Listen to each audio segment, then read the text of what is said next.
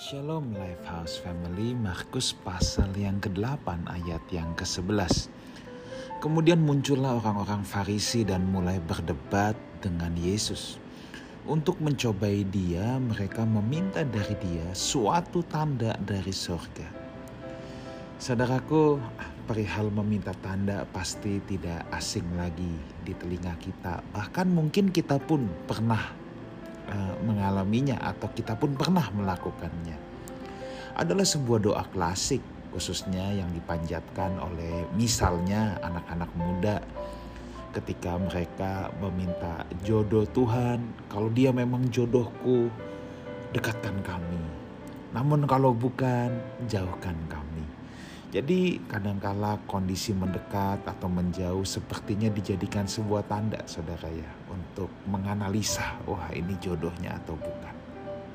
Saudara terlihat sepintas bahwa meminta tanda seperti demikian seakan-akan itu memang seperti ingin sesuatu dengan instan dan tidak mau mengikuti proses apa yang Tuhan sedang kerjakan atau izinkan terjadi sampai satu hari kelak kehendaknya sendiri dinyatakan.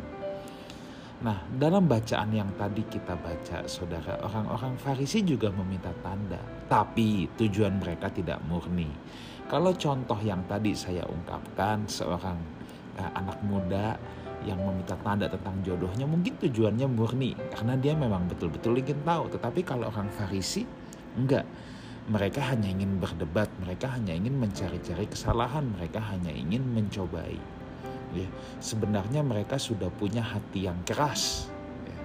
Beda dengan uh, anak muda tadi yang meminta tanda tentang hal tersebut tentang jodohnya. Nah, sekarang pertanyaannya saudara ya. Kalau orang Farisi dengan tegas Yesus menolak meminta tanda begitu ya dia tidak mau memberikan tanda, justru Yesus meninggalkan mereka, naik perahu langsung bertolak ke, seber, ke seberang ayat ke-13. Nah, tetapi sekarang pertanyaan saya, bagaimana dengan orang yang sedang dalam pergumulan, terus berdoa meminta tanda dari Tuhan? Apakah itu satu hal yang salah atau tidak? Nah, saudaraku, yang pertama jelas meminta tanda bukan untuk mencobai Tuhan Misalnya kita tahu jelas-jelasan yang kita ingini itu tidak sesuai dengan firman. Tapi kita masih coba minta tanda. Nah ini kan mencobai Tuhan juga saudara. Ya. Ini contoh mencobai Tuhan. Kalau contoh ke anak muda tadi. Sudah tahu dia bukan orang percaya. Mau ngapain lagi?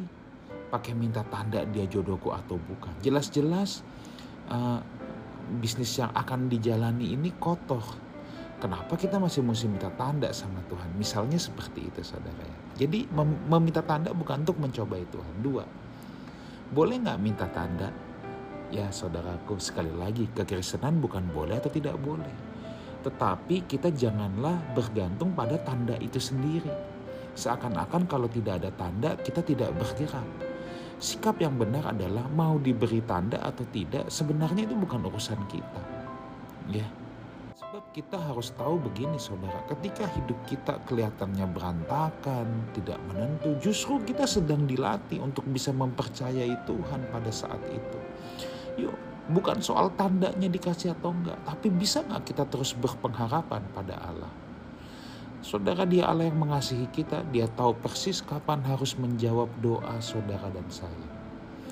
Nah, yang ketiga tentang tanda saudara, jangan sampai ya tanda itu karena kita hanya ingin cepat. Kita nggak mau bergumul kita tidak mau belajar ya. Kita tidak mau uh, belajar menghayati isi hati Tuhan. Kita tidak mau menyatukan hati kita dengan Tuhan lewat doa. Tapi kita mau yang cepat cepat cepat cepat. Tanda tanda tanda.